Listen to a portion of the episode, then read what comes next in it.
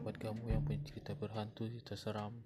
bisa sharing di sini atau kirim ke email cerita berhantu 13 atau di voice voicemail